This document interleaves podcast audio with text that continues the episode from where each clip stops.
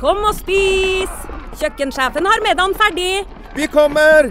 Vi skal bare Åh, det er da så morsomt her på Stiklestad! Ja, men sjøl en god viking må ha både mat og hvile. Og dessuten kan dere nå være noen dager. Velkommen til Scandic Stiklestad. Moderne fasiliteter i historiske omgivelser. Det var her det skjedde. Det er her det skjer.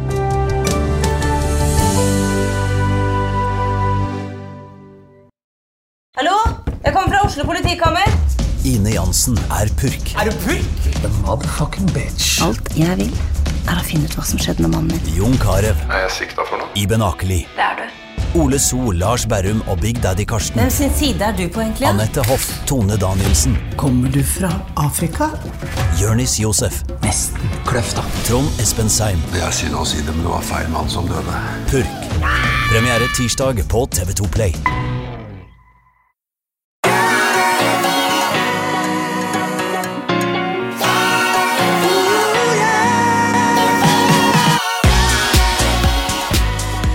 Velkommen til eh, Hjernesterk. Eh, Ole Petter eh, som vanlig med min side. Og så har jeg Monica Lund Oster. Du sier Oster også, Monica, for jeg har lest en intervju med deg hvor du bare omtales som Monica Lund. Ja, jeg Så- gifta meg. Du har gifta deg, vet du! Det er bra. det er bra. Du er her fordi det var Ole Petter som ville invitere deg, for han syns du er en knakende sterk og inspirerende kvinne. Eh, og eh, Derfor så er vi også veldig glad for at du kunne være her. Så velkommen til podkasten. Tusen takk, veldig hyggelig å bli invitert. Ja, Veldig veldig fint at du er med, Monica. Vi hadde lyst til å ha deg med lenge. Monica, du er 45 år gammel, gift, har eh, to barn og to bonusbarn. Har jobbet som eh, leder og treningsinstruktør i den klubben hvor jeg har vokst opp, Heming i Oslo, i veldig mange år. Og du holder mye foredrag, du eh, skriver bøker, og så har du kreft med spredning. Ja. Og eh, jeg har jo jobbet som fastlege i, i veldig mange år, og um, akkurat det med kreft det er jo noe som rammer ja, en tredjedel av nordmenn en eller annen gang i løpet av livet. Og jeg har i hvert fall opplevd at veldig mange pasienter de når de får diagnosen sin, så har de også ofte blitt fortalt eh, av legen at vet du hva nå, nå er det viktig at du tar vare på deg selv og, og hviler og restituerer deg, for, nå, for nå, eh, nå kommer det en tøff eh, behandling. og Da er det viktig at du er mest mulig i ro. Sånn har ikke du levd. Nei, jeg fikk det samme rådet, Ja. Men jeg var veldig glad for at mitt utgangspunkt, der jeg som sagt var, jobbet som personlig trener og instruktør og alltid har vært veldig glad i å være aktiv, eh, så var min logiske tanke når jeg, når jeg fikk eh, sykdommen at nå må jeg gjøre det jeg kan gjøre for å holde, gjøre kroppen min så sterk som mulig. For den behandlingen jeg skal gjennom, den kommer til å bryte den ned. Og i mitt hode så var det logiske da å prøve å gjøre det jeg kunne gjøre for å bygge den opp igjen. Um, så eh, selvfølgelig så er det perioder gjennom en behandling der man ikke klarer å være så, så aktiv og bare må akseptere at i dag blir det en rolig, rolig dag. Men eh, gjennom, gjennom den første perioden med, med behandling så Eh, så prøv, fikk jeg, prøvde jeg iallfall å være så, så aktiv som, som, eh, som jeg kunne. Mm. Men Monica, jeg leste et intervju med deg fra 2017 i Aftenposten skrevet av Mette Bugge. Mm. og Der eh, refererer du til en samtale med legen hvor legen sier at du skal holde deg i ro, som du sier. Og så eh, parerer du da med å si at man kan ikke hvile seg til overskudd, eh, har jeg skrevet ned det sitatet du har i Aftenposten der. Eh, og det er jo litt interessant, fordi veldig mange sier jo at de er for slitne til fysisk aktivitet. Eh, eller de har utfordringer i livet. Din utfordring er jo stor, eh, så man har jo eh, stor forståelse for at du har dager, uker hvor du, du har fått såpass mye juling gjennom behandlingen at du, det er gode grunner til at du ikke eh, kanskje vil ut og trene, men du gjør det allikevel. Eh, Og når jeg leser den artikkelen der, så er det veldig mye som går igjen. er liksom, ja, Det der å prøve å fungere best mulig til tross for. Ja. Eh, Men er det noe du har fordi at du alltid har vært fysisk aktiv, tror du? Og du har den erfaringen med å være fysisk aktiv, så du, du, du merker at det er noe du rett og slett bare trenger? Jeg tror når jeg fikk eh, kreftdiagnosen, så hadde jeg også akkurat blitt skilt. Jeg hadde to veldig små barn, de var to og fire år. Så for meg så var, det, var de motivasjonene til at jeg bare nødt for å komme meg gjennom dette på raskest og best mulig måte. Jeg måtte gjøre det som, som jeg trodde jeg kunne for at jeg skulle, skulle bli. Og jeg husker veldig godt en, etter at jeg hadde vært gjennom vår operasjon og, og alle cellegiftkurene, så kjente jeg at at, at liksom sofaen bare dro meg lenger og lenger ned, og at det ble, det ble vanskelig, vanskelig å komme seg, seg ut. Så jeg, følte at jeg kom på et punkt at enten nå så kom jeg til å bare bli på denne sofaen, eller så må jeg nødt for å bare sparke meg ut. Så selv om jeg hadde den iboende liksom, lysten og gleden, så var det tungt eh, å komme seg ut. Men eh, det, det jeg gjorde den første gangen, var å bruke stråleperioden. Jeg bodde ca. 6 km fra sykehuset, eh, så jeg bestemte meg for at nå skulle jeg gå disse 25 eh, behandlingene, så det var over fem uker. Så skulle jeg gå frem og tilbake,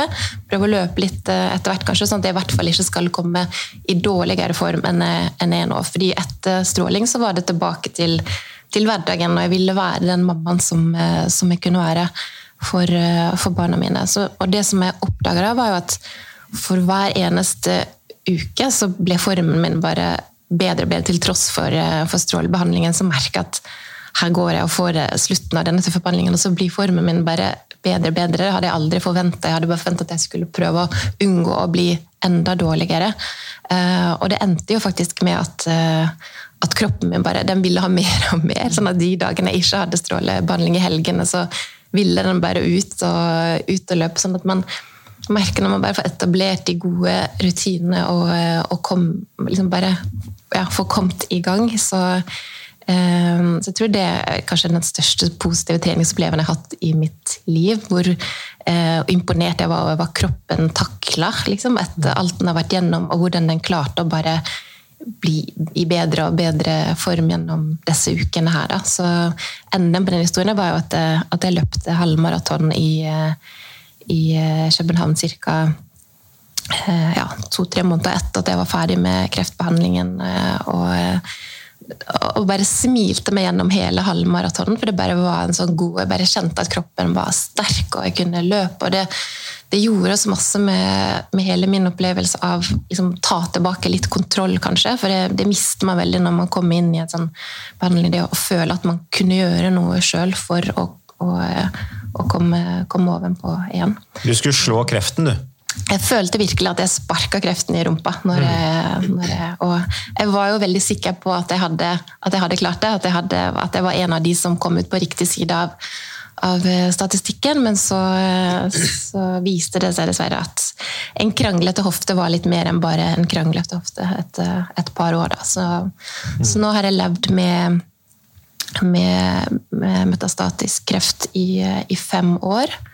Eh, og med, med, det samme ønsket om å være så, så, aktiv som mulig, med mange bumper i, i veien. Med både operasjoner som, som gjør jeg passivisert, eh, den vonde hoften som måtte stråles og fikses for at jeg kunne, kunne med. Men, men jeg føler at at jeg gjennom det der har liksom vært god til å akseptere at nå er ting som det er, og hva, hvordan kan jeg gjøre det beste ut ifra sånn som det er i dag, og ikke sammenligne så mye med hvordan formen min var tidligere, eller mm. sammenligne med andre, men bare være her og nå, og hvordan kan jeg gjøre i dag til en god dag. Mm. Eh, det har vært litt viktig for meg at kreft eh, Kreften tar ifra meg ganske mye. Den tar ifra meg fremtidsdrømmene mine og liksom alt, alt jeg ønsker å gjøre i fremtiden. Men men jeg er veldig opptatt av at en ikke skal få ta fra meg her og nå, fordi akkurat i dag så føler jeg meg bra, og jeg føler meg mest frisk, og jeg har lyst til å, å leve et så godt liv og skape gode minner sammen med barna mine og ha fokus på det som er fint, da, og ikke la kreften få få dra meg for mye ned. Du ser veldig godt ut, eh, Monica, for øvrig. Eh, jeg har jo aldri møtt deg før, og når jeg skulle møte deg, tenkte jeg kanskje at du skulle se syk ut. Da. Jeg mm. forberedte meg mentalt på det, men du ser jo veldig frisk ut. Eh, men jeg tenker på det der med fremtidsutsikter, som du sier. Er det viktig for deg også Én ting er hvordan du føler deg, og hva du vet om kroppen din, og i forhold til å takle sykdom, energinivå og dette her, men er det også et, i og med at du har små barn, er det også et ønske for deg å på en måte vise de at du skal fungere best mulig til tross for at du er syk. Har du snakka med barna om det? Jeg har ikke så mye fokus på at jeg skal vise dem det, men det, det jeg føler at trening og aktivitet gjør, at det blir eh, det blir en liten sånn eh, trygghet for de å se at, eh, at jeg klarer fortsatt å være med på tur. At vi, selv om jeg er i dårligere form nå enn før, så, så får vi gjort ganske mye sammen. Og de ser at, de ser at det er den samme. Liksom at det nok skaper en slags trygghet for de. Da. Mm. Det tror jeg. Og det, for meg er det en veldig viktig del av min identitet, fordi at jeg har vært Eh, trening har vært en del av livet mitt eh, alltid. Jeg har vært eh, gruppetreningsinstruktør i, i over halve livet mitt. sånn at jeg har så mye av min identitet som er knytta opp mot det å være aktiv. få lov til å inspirere gjennom timene mine, skape god stemning. utrolig glad i den gruppetreningsbiten. Og det, den har jeg fått lov til å å beholde helt frem til covid og stengte treningssentre. sånn, så har jeg fått lov til å uh, Så det, det, å stå foran en gruppe mennesker som kreftpasient Jeg har jo hatt perioder der jeg har sett sykere ut uten hår og, og sånn. Og, og da, da, føler jeg meg bare litt sånn uovervinnelig når jeg kan stå der sammen med en gjeng med friske mennesker og stå der midt i den behandlingen og få lov til å å, ha det samholdet som vi har, det sosiale, og, og bare kjenne liksom, kraften i rommet. Det, det, ja, det, de, er, de, er, klar over at du er syk, de du trener ja, med? Det er de. Mm. Ja, så det blir ikke så mye klaging fra de da, over Nei. at de har vondt der og der? Nei, det, det, har jeg fått litt tilbakemelding på. At det blir litt vanskelig for de å, å kjenne på å ikke skulle stille opp når, når jeg står her. Men Ole Petter, apropos det med barn. Altså, det er jo, for barn så er det jo veldig altså De blir jo inspirert av foreldrene sine.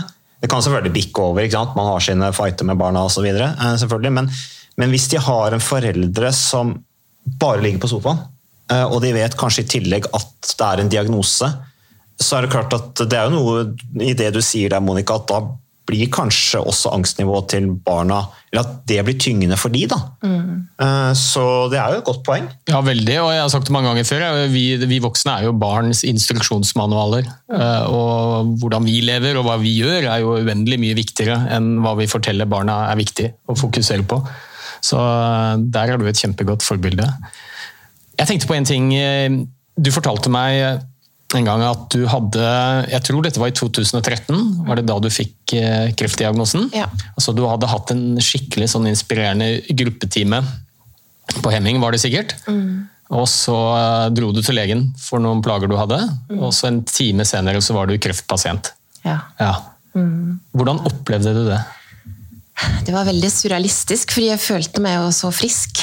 Eh, og så fikk jeg plutselig der, satt der med den alvorlige diagnosen. Jeg har nesten aldri vært syk på en måte tidligere, så det, det var veldig uventa og veldig eh, ja, surrealistisk. Eh, men jeg er veldig glad for at jeg hadde evne til å veldig fort bare akseptere at nå er det sånn som det er. Jeg skal gjennom dette og dette og dette. Eh, og hvordan kan jeg komme meg best mulig gjennom det. Sånn at si, prognosene er jo veldig gode når man får en brystkreftdiagnose. De, de, aller fleste går det jo bra med, sånn at eh, jeg var veldig positiv. Eh, og jeg vil si at det også hjelpte meg at jeg var i god fysisk form. Jeg, tenkte, jeg følte at dette kom til å hjelpe meg til å komme lettere gjennom. Eh, og det, for meg, jeg hadde, jeg hadde ikke tenkt så mye på det før, liksom hvor lurt det er å være i god form når man blir syk. Men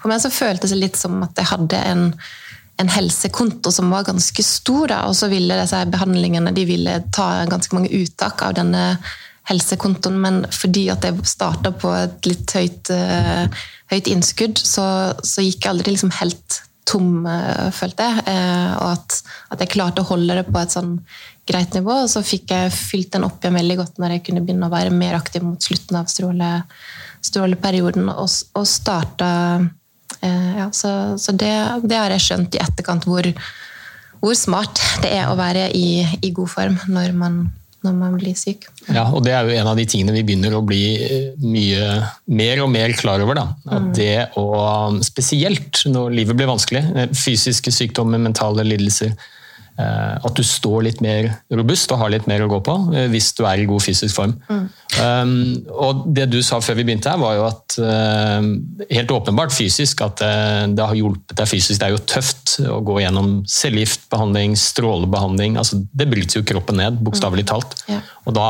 um, Det å være i god fysisk form gjør at du kommer deg lettere gjennom behandlingen med færre bivirkninger, blant annet, som vi ser. Men du snakket om kanskje det aller viktigste var det mentale. For det, merker jeg kanskje særlig nå som jeg har levd de her fem årene med, med metastatisk eh, kreft, at det har overraska meg eh, hvor utrolig krevende det er mentalt å, å leve med, med, den sykdommen. For på forhånd så, så jeg for meg at, at det ville være størst fysiske utfordringer, med at man ville få smerte og Eh, kanskje begrensa bevegelse, sånn fordi jeg har spredning til skjelett og etter hvert til, til lever.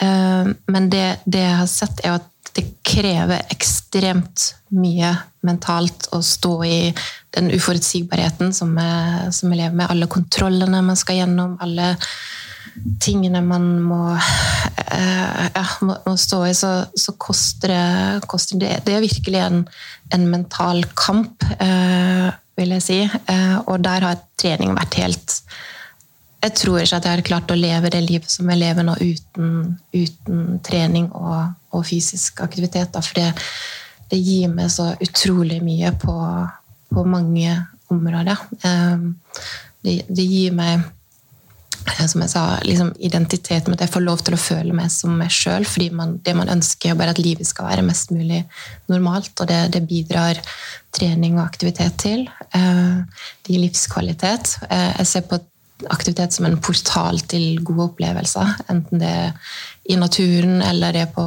gruppetreningene der vi bare jeg tror Heming har den kuleste gjengen i, i hele altså Vi har det så utrolig gøy på de gruppetimene. og bare en fantastisk stemning, sånn at man man går ikke ut fra det rommet og bare har trent, men man har liksom bare vært i en sånn her uh, uh, Man liksom, man liksom fysisk løfter mange hakk når man er psykisk når man går ut av, ut av det rommet. Sånn at um, uh, Ja, så, så, trening gir så mye på, um, på så utrolig mange, mange områder. Det gjør at jeg kjenner på mestring, at jeg føler meg med sterk. Eh, og, og, så minner det meg på noe som jeg tenker er veldig viktig. Det er at det er faktisk bare en liten del av kroppen min som er syk. Det aller meste av kroppen min er fortsatt veldig velfungerende og, og friskt. Eh, og det tror jeg ikke man får like mye Hvis man ikke bruker kroppen, da, så kjenner man ikke like mye på det. Så så det har vært et lite sånn verktøy når jeg skal til en eh, undersøkelse eller til en kontroll, eller noe sånt, så prøver jeg alltid å gå i starten igjen i løpet liksom, for å bare kjenne at ok, den, her og nå så har jeg det bra, og det er mye av det som, som virker fortsatt. Og bare prøve å, å holde det, det, mest i gang. Da. Mm. Men Monica, har du snakket med legene uh, om dette med fysisk aktivitet og fysisk trening, og om hva det betyr for deg, og hvilken holdning du har til det i det løpet du har vært igjennom med kreftbehandling?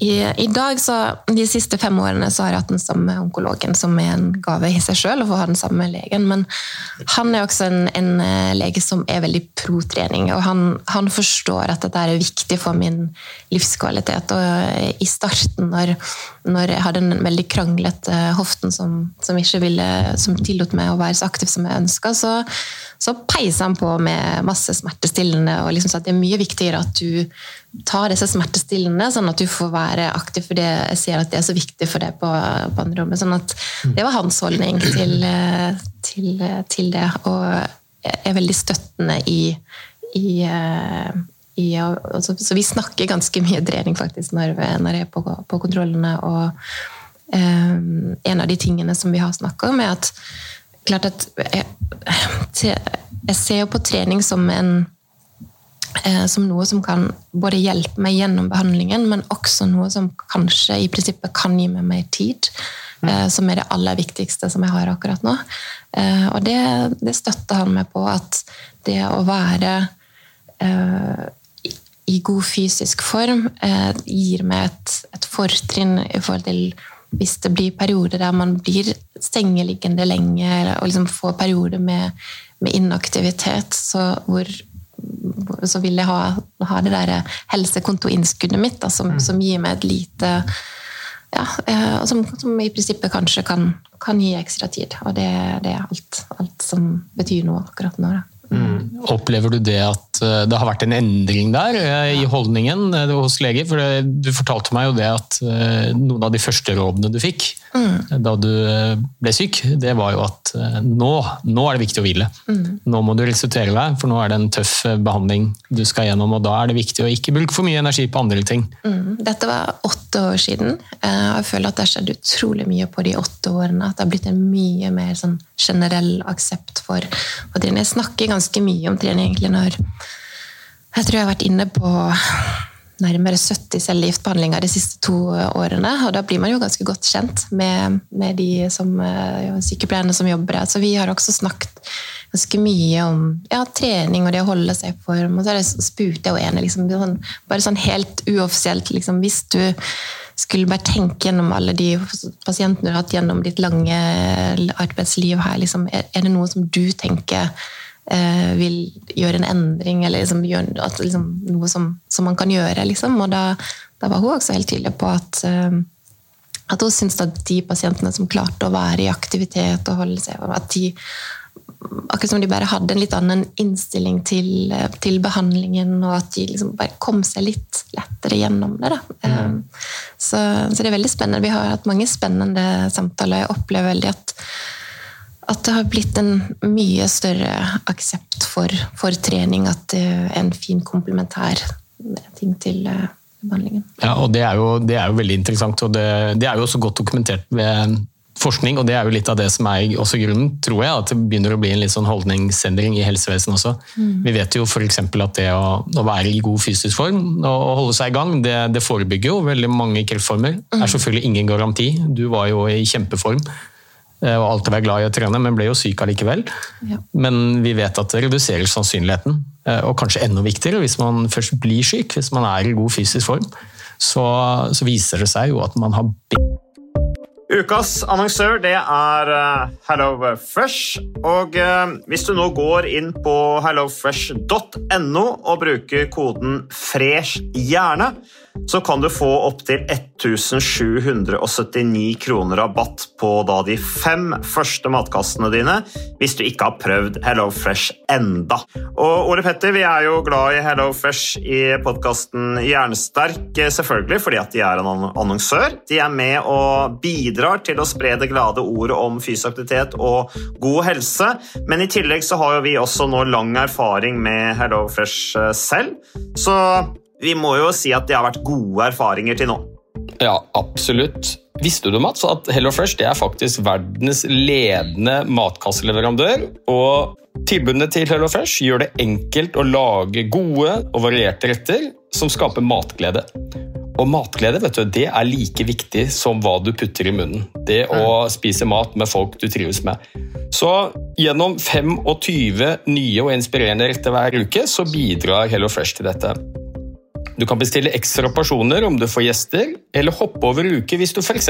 skal bort. Mm. Og Det er ingen bindingstid, og du velger leveringstidspunkt og dag selv, så leverer Hello First matkassen din akkurat når det passer deg.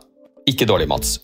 Nei, det er veldig bra. Så, eh, og dette er med enklere hverdag, det kan jeg nå skrive under på. For nå, forrige erfaring vi hadde forrige uke, Ole Petter, det syns jeg var Det var jo et gjennombrudd eh, for familien Kaggestad. For da lagde rett og slett barna de lagde middag og serverte middagen, så den var ferdig laget og servert da når eh, min kone Marita og meg kom hjem fra jobb. Og jeg mener Det var jo bare helt utrolig. Eh, det var helt fantastisk. Det ble en nydelig middag. Riktignok de, de, de, de roter og søler litt, det gjør de. Så, men, men, maten ble veldig god. De var veldig stolte over å kunne ha både laget og servert maten, så det var helt fantastisk. Så vi har jo da i det siste så har vi eh, spist eh, bl.a. sitron- og dillstekt hyse med ovnsbakte grønnsaker og aioli. Eh, vi har spist middelhavsinspirert kylling. Taco, så finnes det mange ulike typer taco, f.eks. vietnamesisk taco, som vi har spist. Thailandsk vegetargryte. Veldig riktig og sunt uh, i dagens uh, samfunn med, med, fokus på bærekraft. Hvitløk og chilistekte reker i spagetti, det var definitivt en vinner. Så det er så flott. Du får rimelig mat ved at du kun betaler for det du trenger, så det blir ordentlig feststemning med Hello Fresh. Det gjør det, og nå er det bare for deg å gå inn på hellofresh.no og bruk koden FRESH gjerne. Da får du opptil 1779 kroner rabatt på de første fem matkassene dine, hvis du ikke allerede har prøvd HelloFresh. Du kan også bruke rabattkoden hvis du har stoppet abonnementet ditt for tolv måneder siden eller mer. Er det noe å lure på? Håper maten smaker godt. Bon appétit! bedre overlevelsesprognose og, og, og, bedre livskvalitet generelt da, gjennom behandling annet, enn de som er inaktive. Selvfølgelig ingen, ingen garanti, men det, men det, handler jo litt om å gjøre det man kan selv. da. Ja. For å klare seg så godt det, som mulig. Det tror jeg at det, det påvirker veldig mitt mindset, da, tror jeg. At uh, gjennom hele uh, Gjennom hele den, de her åtte ja, at, at, det bare gjør Det å være fysisk sterk, eller kjenne seg fysisk i god form, så er det mye lettere å kjenne på en mental styrke også. Og, og altså, den, den, følelsen jeg hadde når jeg løpte en halvmaraton altså, Jeg bare følte meg så uover, uovervinnelig. Tenkte liksom, når jeg klarer dette, så kan man, kan man klare altså, så, ja, nei, jeg, jeg, tror man eh, eh, det, det, er jo et litt mer ekstrem jeg, jeg, tror man kan få akkurat den samme følelsen eh, hvis man ikke har trent så mye, og bare komme seg ut på en skikkelig fin tur og liksom bare kjenne at kroppen så, liksom Bare det å få den godfølelsen eh, Og det som eh, det jeg skulle ønske når den første gangen var at alle legene bare kunne være litt mer sånn på Jeg føler at legen sitt ord teller så veldig mye. Så det å få en, en at, at, legen sier at vet du hva, i tillegg til at du tar denne behandlingen, nå, så tror jeg at du vil få enda bedre livskvalitet hvis du klarer å få tatt en 30 minutters tur hver dag, eller når, når du orker liksom prøve å gjøre det. Jeg tror at hvis, hvis, legene bare tør å være litt mer eh, eh, tydelige på at det kan være bra for deg eh, Jeg opplever at de er veldig redd for å skape Legge på deg noe press, eller at de skal eh, ja, eh, gjøre noe som eh, Men, men det, det, er jo ja, men hvorfor, Det er litt rart. Hvorfor er det press? Altså Noe som gjør deg godt. Hvorfor skal det være bli sett på som press, og at det er liksom å gå eh, over grensa til privatliv, på en måte. Altså, hvorfor skal det være et problem å oppfordre pasientene sine til å ta vare på seg selv gjennom mosjon? Jeg, er selv. Jo da, jeg tror det handler om holdninger. og det er jo, Vi utøver jo betydelig press i anførselstegn på pasientene når det gjelder behandling. Mm. Eh, så godt som alle leger, eh, selvfølgelig eh, med god grunn, vil jo anbefale at pasienter som har en kreftsykdom, benytter seg av de beste behandlingsalternativene vi har. Mm. Og Da vet vi jo at cellegift, strålebehandling, kirurgi er viktig. og Der utøver jo vi et betydelig press. Eh, det er selvfølgelig pasientene som kan bestemme, så du kan jo selvfølgelig takke nei eh, til all behandling hvis du ønsker det, men der er jo vi leger veldig tydelige på at dette er viktig. Så, så, der føler jo selvfølgelig pasientene et kall det press um, for det. Men akkurat når det gjelder fysisk aktivitet, så tror jeg holdningen har vært at det er litt sånn kuriositet, det er rekreasjon, det er et privat anliggende, det har ikke noe med behandling å gjøre. Mm. Og så vet vi jo i dag at eh, fysisk aktivitet eh, er medisin også. Det gjør jo mange ting med kroppen som legemidler, også fysiologiske endringer er med på å styrke immunforsvaret, senke blodtrykk og alt dette her som er viktig eh, med tanke på å forebygge sykdom. Men så tror jeg det er en annen viktig ting som er kjempeviktig, og det er det med mestring. Mm. Fordi at når du blir alvorlig syk og skal ha en behandling som sant, er cellegift, strålebehandling, så er det litt fort gjort. Da. Jeg har mange pasienter som har fortalt meg det, at man blir litt som passasjer. Mm. Um, rett og slett, for Det er jo medisinene som skal gjøre jobben, og man er selvfølgelig med på det. Men, det å bli sin egen terapeut, ja. ha et behandlingsalternativ i tillegg til alle de andre viktige behandlingene, hvor, hvor det er du som gjør det, um, og, altså det, det skaper mestring. Altså Du tar tak i det selv, og du ja, rett og slett blir din egen terapeut. Da, og, der, og, det er jo helt en sånn basal behov for oss mennesker å føle mestring. Og mm. kanskje spesielt i en periode hvor livet er selvfølgelig vanskelig, for man har fått en alvorlig diagnose. Men heldigvis, jeg tror dette er i ferd med å endre seg, og, og det ser vi også. Aktiv mot kreft, som vi kjenner veldig godt til begge to, har jo jobbet i mange år med å få dette inn, dette med fysisk aktivitet inn som standardbehandling, i tillegg til annen tradisjonell behandling selvfølgelig for kreftpasienter. Aktiv mot eh, kreft gjør en fantastisk eh, jobb. Og, og jeg, var også, jeg tror også det endra litt av min innstilling til å gå gjennom med fri. Rett før jeg ble syk, så hadde vi et sånn, profesjonelt samarbeid med Aktiv mot kreft, der vi hadde et foredrag av de. Eh, der det foredraget kanskje endra litt min oppfatning av en kreftpasient. At man tidligere tenker at en kreftpasient er mer passiv og ligger på sofaen og bare må hvile seg gjennom og fikk høre hvor viktig fysisk aktivitet eh, var, og hvordan man kunne komme seg lettere igjen. Så jeg tror at det at jeg akkurat hadde vært på det foredraget med, med Aktiv mot kreft eh, innen rett før jeg ble syk, også gjorde at jeg gikk inn i, møtte sykdommen på en litt annen måte enn jeg kanskje hadde gjort ellers. Da. Um, og det er også litt av grunnen til at jeg har valgt å være ganske åpen om min, min sykdom. For når jeg fikk min eh, når jeg fikk spredning, så det er jo det alle frykter. Alle som har, har hatt en brystkreftdiagnose, de går og kjenner etter er dette bare vondt i magen, eller kan det være noe mer? Og, og så går man med den frykten hengende over hodet at liksom, jeg kommer til å være en av de som får, får spredning. Um, og for, for meg så har, har jeg blitt positivt over, overraska, selv om det er forferdelig tøft. Jeg skulle ønske at det ikke var sånn, så har jeg likevel opplevd det som at livet er så mye bedre enn jeg hadde trodd da når jeg fikk denne diagnosen. Liksom at det er merkelig at livet kan være så fint, og så er det veldig tungt på samme tid. Men uh, at jeg fortsatt eh, kunne, har kunnet hatt gruppetimene mine, fortsatt være meg sjøl, fortsatt være den mammaen som jeg har lyst til å være. Vi har hatt masse fine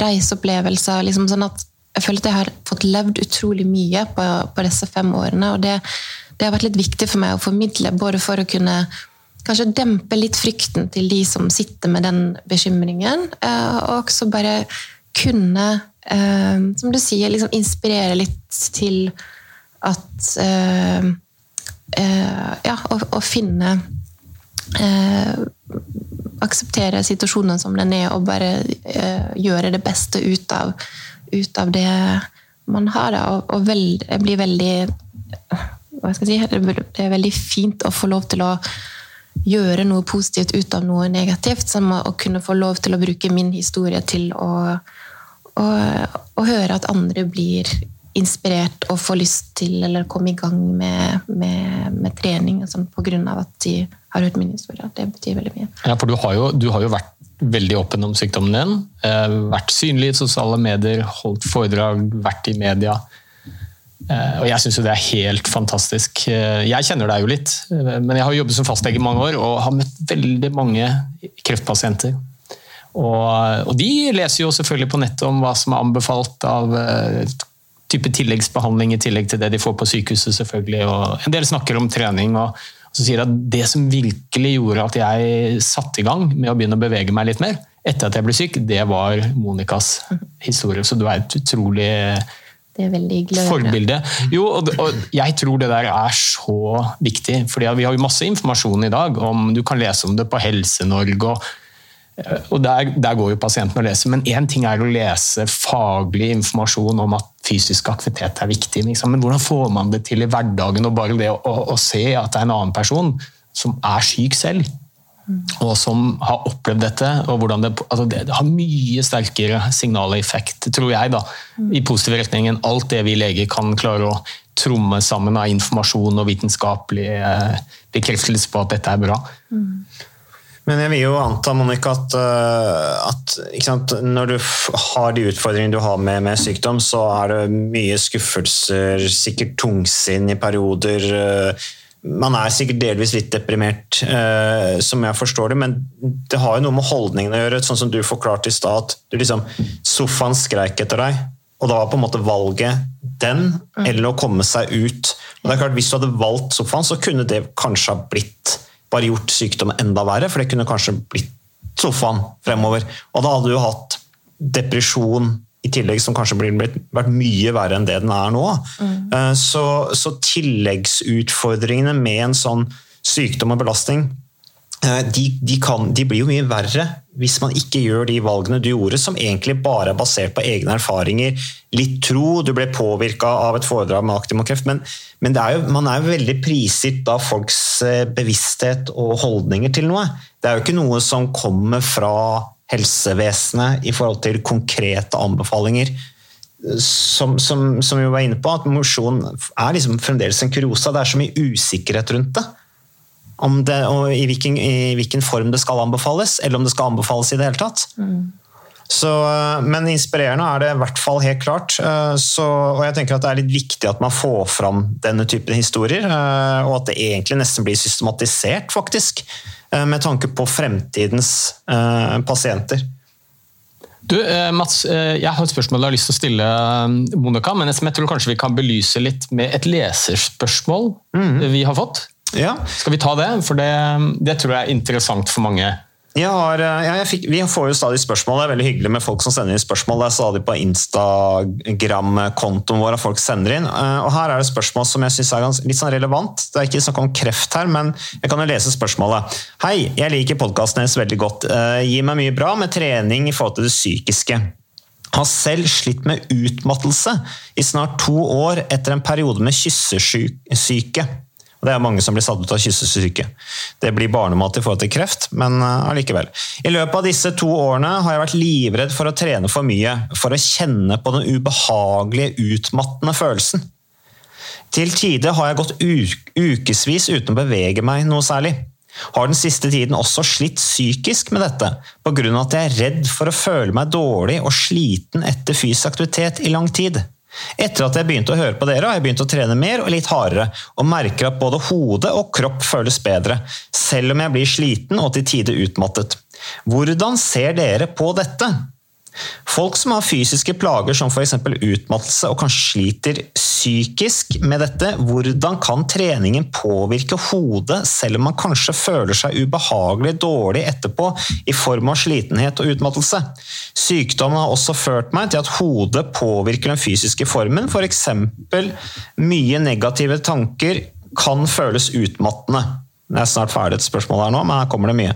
Ene det, det ene påvirker det andre, kan man si. Tenker dere at hodet rett og slett kan lure oss til å føle oss mye dårligere enn det vi egentlig er før en treningsøkt? Gjerne ta med at jeg er 21 år, ung jente dette her også, spilt fotball hele livet før sykdommen satte en stopper for det, og alltid elsket å være i fysisk aktivitet og drive med idrett. Her var det mye på en gang, men uh. Hva tenker du, Ole Petter? Nei, jeg tenkte at uh jeg har lyst til å spørre Monica om noe som jeg tror er veldig relevant, og som er kanskje et svar på det um, denne lytteren også uh, spør om. Jeg har jo mange kreftpasienter som jeg følger opp, og veldig mange føler seg jo utmattet. Altså det kan være både fysisk og mentalt. Selvfølgelig det å ha en alvorlig sykdom, det er tøft i seg selv. Og så er det jo en del av den behandlingen man får som rett og slett uh, bryter ned, så man kan føle utmattelse, kvalme, ja, en del symptomer hvor uh, selvfølgelig dørstokkmila blir litt ekstra lang. Mm. Har du noen sånn konkrete tips til f.eks. kreftpasienter da, som er slitne og utmattede av tøff behandling, men hvor vi allikevel vet at det å bevege seg er bra? Hvordan kan vi hjelpe dem? Jeg tror det første, jeg tenker litt på spørsmålet også, så først det, nettopp det å bare akseptere liksom å gå inn på at her og nå i dag så føler jeg meg akkurat sånn at man må ikke sammenligne med hvordan man har følt seg at man var i så mye bedre form før, for da blir man veldig deprimert av å tenke på og, sammenligne med at åh, så dårlig. Men ta utgangspunkt i hvordan man føler seg akkurat i dag. Og ikke kjenn så mye etter, tenker jeg også. Tips. Ikke kjenn etter, bare bestem deg for å gjøre det. Liksom, ta på deg skoene og gå ut eh, døra, og så starter du med å, å gå litt. Og hvis du får lyst til å, eh, å løpe noen meter, så, så, løp de meterne og sett pris på liksom, at ah, nå klarte jeg å løpe de, de meterne. Jeg husker når jeg hadde min første løpetur etter etter jeg var ferdig med cellegift, så tenkte jeg nå skal jeg ut på, på løpetur. Eh, og så føltes det helt fantastisk i fem minutter. Mm. Uh, og så var det helt stopp. Og da, da, klarte jeg faktisk å tenke ja, ja, bra jobba, liksom. Da fikk du de fem minuttene i dag. Og så plusser man på liksom, gradvis at man må prøve å bare akseptere at i dag så føler jeg meg, meg sann, og så prøver jeg å gjøre det beste ut av hvordan det er akkurat i dag. Uh, og jeg tror at alle som klarer å rive seg opp fra sofaen og bare komme ut. eh, og bare liksom, Jeg tror ikke det skal mange minutter til for man bare kjenner at, at det kanskje letner litt, og at det, at det føles eh, litt lettere med en gang man, man bare ja, får kroppen litt i gang. Da. Det trenger ikke å være hard trening. og Det, det har satt meg som, eh, som mål. Eh, er nå fordi at, at jeg har ikke så veldig mange flere mål. Jeg kan ikke bli bedre på løping eller på andre ting, men det jeg kan gjøre, jeg kan ha fokus på hvor mange skritt jeg får tatt i løpet av en dag. Sånn at da, da har jeg prøvd å ligge på, på 10 000 skritt om dagen. Eh, og det er ikke veldig mye. Alle, alle klarer det hvis de, hvis de vil. Man trenger ikke å gå fort. Man kan eh, dele opp i mange små, små turer. eh, og, Du og det tok føles- heisen her istedenfor å ta Nei, du trappa istedenfor å ta heisen Ja, ja. her, la jeg merke til. altså, vi snakker trening. Ja, ja, ja, du er ganske bevisst, så det er veldig bra. Eh, Så, så sånn transporttrening er jeg faktisk veldig glad i. At man prøver liksom å gå til de avtalene man har, gå til butikken. Så blir det ganske mange skritt i løpet av en dag. Og jeg tenker, det prøver jeg å tenke på at selv om det føles lite noen dager, de skrittene jeg har, eh, har tatt Jeg har liksom ikke blitt veldig andpusten eller sliten, men tenker jeg, det er 10 000 skritt i løpet av en måned, og i løpet av et år så blir det ganske mange skritt som jeg føler likevel har en effekt på at jeg holder kroppen i gang og får lufta hodet. og eh, kanskje ser hører noe hyggelig fuglekvitter på veien, eller liksom noe som bare som løfter deg litt opp. Mm. Det, det der tror jeg er så utrolig viktig. Og det du egentlig sier, er at alt er bedre enn ingenting. Det, Eh, og det er jo litt interessant med fysisk aktivitet, hvis du sammenligner det med legemidler, som vi vet veldig mye om. Der vet vi jo at du må ha en bestemt dose og styrke på legemidlene for at de skal ha en effekt på kroppen vår, men det er jo ingen som har funnet noen nedre grense for når fysisk aktivitet Nei, begynner å hjelpe. Så det, det tror jeg også er mitt aller beste tips til de som sliter litt av forskjellige årsaker med å få beveget seg. Det er altså absolutt hvert eneste steg teller, og kanskje spesielt når livet kan være tøft av mange forskjellige årsaker, f.eks. sykdom, og dørstokkmila blir lang, så glem den der perfekte, optimale treningsøkten som du kanskje har gjort tidligere. For den, den er det selvfølgelig vanskeligere å få gjennomført. Altså, Rett og slett at den beste økten er den du får gjort. Og jeg snakker veldig mye om sniktrening, du kalte det hverdagsaktivitet. Absolutt, når du har, hver gang du har mulighet, så, så prøv å få, beveget deg litt. Og Det kan være å ta trapper, sånn som du gjorde opp til femte etasje hos Mats her. Gå til butikken. Altså, det behøver ikke å være trening med treningstøy og, og bli kjempesvett og andpusten. Altså, gjør det du får til. Holde kroppen i gang, liksom, og få eh, Ja. Ja. Så jeg syns egentlig, egentlig alt det vi har snakka om eh, her i dag med deg, Monica, oppsummerer veldig greit det spørsmålet som, som kommer her. Eh, det, er jo, eh, det er jo ikke noe tvil om at eh, hode og kropp føles bedre etter at man er ute i fysisk aktivitet. Eh, særlig hodet, som du har sagt mange ganger, Ole Petter. Det er den delen av kroppen som påvirkes mest av fysisk aktivitet. Det er jo helt utrolig hvordan holdningen endres etter å ha vært ute i fysisk aktivitet. Eh, Så, så det, er, det er spennende. Men du ville si noe mer, eh, Monica? Jeg har bare lyst til å si en ting, og det er at eh, nå vil jeg jo tenke at jeg kanskje har vært ganske heldig gjennom mitt sykdomsforløp på den måten at jeg har hatt, veldig, jeg har hatt ingen infeksjoner der jeg har vært innlagt over lange, lange perioder. Jeg har relativt lite smerte.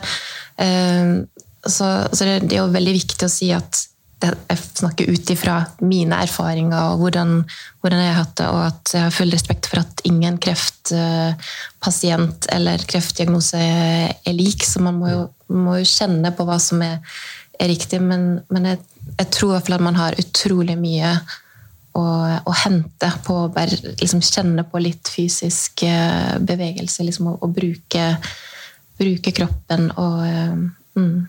Bare siste spørsmål, Monica. Eh, Bare det du sier der, altså at du, har, du sier du har vært heldig, og sånne ting, men det kan jo også være at du er godt rusta for å takle det. Det er jo sammensatt det her, helt sikkert. Men har du noen gang tenkt på hvordan det du er igjennom nå, ville vært hvis du ikke hadde holdt deg i fysisk form før du ble syk, og hatt et mye dårligere grunnlag enn det du egentlig har?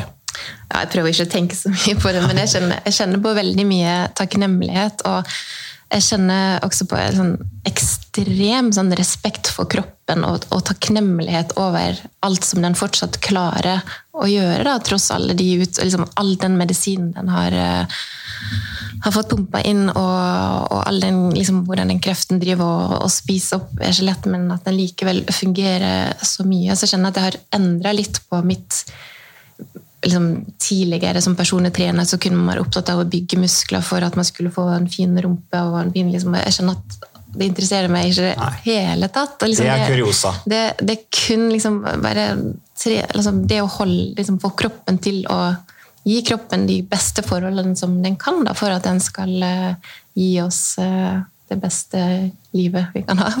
Ja. Mm. Jeg synes det var eh, Tusen takk for at du kunne være med på podkasten, Monica. og dele. Det er veldig viktig faktisk at du gjør det. Eh, Det er veldig inspirerende og veldig nyttig, tror jeg. eh, Med tanke på, på hvordan folk skal forholde seg til, til sykdom, enten det er kreft eller hva det måtte være. Eh, Og takk til deg, Ole Petter. Ja, du, og Tusen takk, eh, Monica, for at du stilte. Jeg tror det du snakker om er, er så viktig. Det er viktig for eh, pasienter som blir rammet av kreft. Og jeg håper jo virkelig at alle leger som treffer pasienter som eh, får kreftdiagnosen, også hører på dette. Mm. For her har vi mye å lære om. Si, eh, si, husk å ta den turen på 30 minutter, og så spør du neste gang hvordan gikk det med de her turene dine. Fikk du tatt, eh, tatt de, og vise litt interesse. Jeg tror ikke det skal mer til. Så tror jeg det vil gi mye motivasjon til De har mye makt. Dere har mye makt. Mm, men tusen takk for, tusen takk for meg. Veldig hyggelig å være her. Tusen takk for besøket, Monica, og takk for at du lytter på podkasten Jernsterk.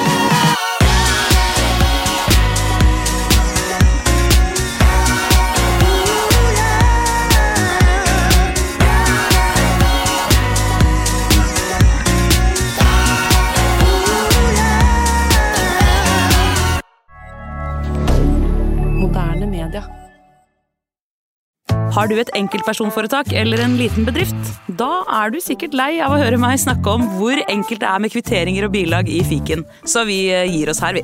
Fordi vi liker enkelt. Fiken superenkelt regnskap.